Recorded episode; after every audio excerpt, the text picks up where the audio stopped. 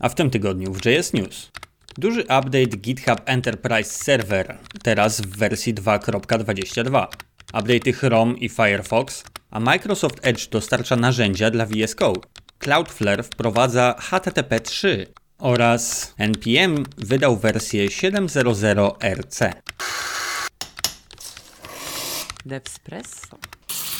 Newsy przedstawi dzisiaj Julek. i Aleksander. Siema Julek, mam dla Ciebie krótkie info o naszym ulubionym GitHubie. Jak mówi GitHub, największa dotąd aktualizacja Enterprise, a mianowicie GitHub Enterprise Server w wersji 2.2. W tej wersji wprowadzili po raz pierwszy GitHub Actions i Packages. Znaczy to, że teraz można uruchomić CI/CD pipelines na GitHubie z własnego środowiska. Co więcej, mówią, że wprowadzili wiele zmian, aby pomóc w uruchomieniu GitHuba na dużą skalę dla komfortowej pracy w dużych zespołach i repo dowolnej wielkości. Kilka słów też pojawiło się na blogu od GitHub Advanced Security, dokładnie GitHub Code Scanning, które jest teraz w wersji beta. Zapewniają, że automatycznie wyszukują luki w kodzie, zanim trafią na produkcję. Powiem Ci, że GitHub mega się rozwija. Cały czas coś się dzieje, strasznie duży ruch jest na GitHubie. To tutaj informacja. Od 7 października GitHub zaczął udostępniać swoją dokumentację na swoim serwisie GitHubowym, czyli zopen source'owali ją. To nie jest ważne w żaden sposób, no fajnie, dokumentacja jest open source, ale to co chciałem powiedzieć o tym repo, to to, jaki ma link. Adres to https github.com github docs. Prawda, że ładny? No, fajnie. A teraz nowy release Chroma 86. Poza bugfixami, które tak naprawdę nie są aż tak ważne, mam kilka feature'ów dla Ciebie. Od teraz jest możliwość dostosować kolor, rozmiar lub typ liczby lub bulletów dla list za pomocą pseudoelementu marker. Aha. Druga rzecz, to usunęli Web Components V0, no i wycofali obsługę FTP. No okej, okay, ale to jeżeli tylko tyle o tym 86, to jeszcze zdradźmy troszkę tajemnicy. W wersji 87, czyli tej, która ma wyjść prawdopodobnie za kwartał, pojawi się fajne, ciekawe API. Będzie to obsługa kamerek z funkcjonalnościami tak zwanymi PTZ, czyli Pan, Tilt and Zoom. O, ciekawe. No, w ogóle nie wiedziałem, że te kamerki mają takie określenie, ale okazuje się, że owszem, to są kamerki, którymi można sterować, no nie? Są na jakimś tam statywie i się przesuwają i, Gu i Google dostarcza w następnej wersji przeglądarki swoje API do obsługi tego typu sprzętów, wbudowaną już w przeglądarkę, więc to może być ciekawa zabawa z tym, co będzie można zrobić. Niestety nie jest to międzyprzeglądarkowe API, to nie jest ustandaryzowane API, Firefox ma jakąś tam swoją odmianę Camera API, tutaj widzę, że, że ma być to PTZ, może i takimi rzeczami będzie można się pobawić łatwiej z poziomu przeglądarki, nie? No, dobra, to jak wspomniałeś już o Firefoxie, to mam też news związany z Firefoxem. Firefox wersji 81, a w tym momencie już 81 1.01. W najnowszym releasie poza fixami nie ma nic ciekawego. Pierwsze, TypeScriptowe pliki są teraz poprawnie identyfikowane w panelu debuggera i oznaczone odpowiednimi ikonami.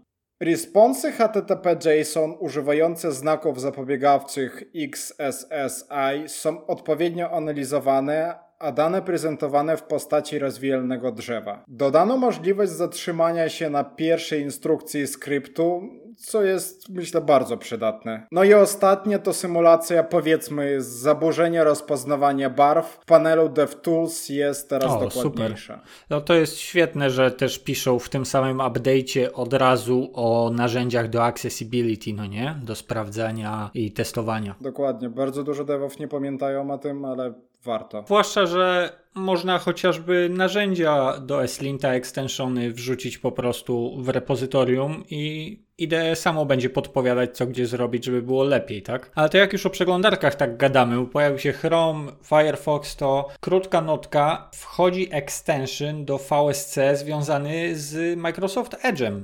Jest to silnie połączone z przeglądarką, bo trzeba mieć Edge'a, żeby działało, a dodatkowo trzeba mieć zainstalowane Microsoft Edge Tools. I wtedy można dostać pełną opcję debugowania styli, czy przeglądania networkingu, czy uruchamiania widoków RWD bezpośrednio bezpośrednio z poziomu IDE, w tym przypadku VSC.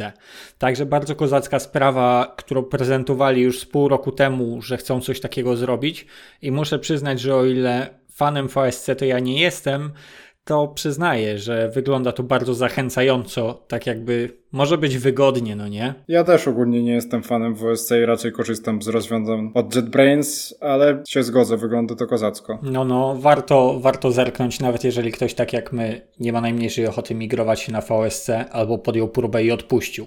No, tak jak mówisz, już koniec o przeglądarkach, to może o jakichś protokołach, sieciach i tak dalej. Z przyjemnością. Cloudflare wprowadza HTTP trójkę. No i w sumie to tyle, możemy przejść do kolejnego newsa. Dla niewtajemniczonych rozwinie trochę temat. Trójka to nadchodząca wersja HTTP. Semantyka we wszystkich wersjach jest spójna. Te same metody requestów, statusy i pola komunikatów. Różnice dotyczą mapowania tej semantyki. Zarówno HTTP 1.1 jak i HTTP 2 używają protokołu TCP. HTTP 3 natomiast wykorzystuje protokół QUIC opracowany przez Google. Jaki główny problem to rozwiązuje? To pozostawię Wam jako pracę domową. Co do wspierania trójki, Firefox i Chrome obsługują HTTP 3 w jego obecnej formie, ale domyślnie jest wyłączony. Safari 14 będzie dostarczane z domyślnie włączonym protokołem. No i super, no to wszystko zmierza do tego, żeby nasze życie było łatwiejsze przecież, prawda? Dokładnie i piękniejsze. Tak, i piękniejsze, oczywiście. No to ja jeszcze na koniec mam bardzo króciutką informację związaną z naszym kochanym NPM-em. NPM wydał wersję 7, wersję RC, czyli Release Candidate, więc to jest koniec bety, ale to już jest propozycja do testowania i sprawdzania dla deweloperów. Widać, że starają się trzymać terminów, bo tak jak zapowiadali, dostarczają co chwilę nową wersję co tydzień. A w tej wersji no nic nowego, raczej mówię o tym, żeby podtrzymać wątek NPM i opowiedzieć o tym, że dostarczają regularnie i że się starają wywiązać. O, usunęli stare dependencje i podbili kilka nowych, ale to tyle. Reszta to dowiemy się dopiero jak skończą, albo może omówimy obszernie w jakimś kolejnym odcinku. A na dzisiaj co dam, Aleksander? Chyba wszystko. Znowu coś niewiele, prawda? No, ja już nie mam newsów. No, ewidentnie zbliża się koniec roku i coraz ciężej jest o duże update'y czy zmiany, ale wierzę, że jeszcze kilka w tym sezonie się wydarzy. W każdym razie, dzięki wielkie, że dzisiaj wpadłeś. Dzięki bardzo, że zaprosiłeś. Do następnego. Cześć.